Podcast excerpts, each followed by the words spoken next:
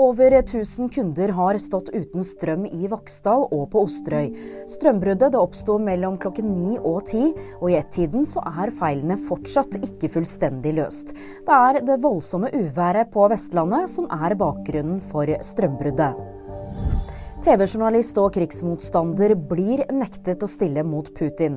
Russlands valgkommisjon ville nemlig ikke registrere Jekaterina Døntsova som kandidat til valget i mars 2024.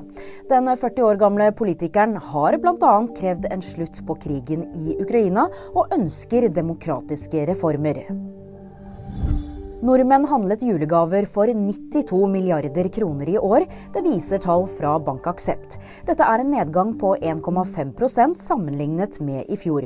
Den travleste handelsdagen var 22.12. Vi ønsker deg en god jul, og nyheter finner du alltid på VG.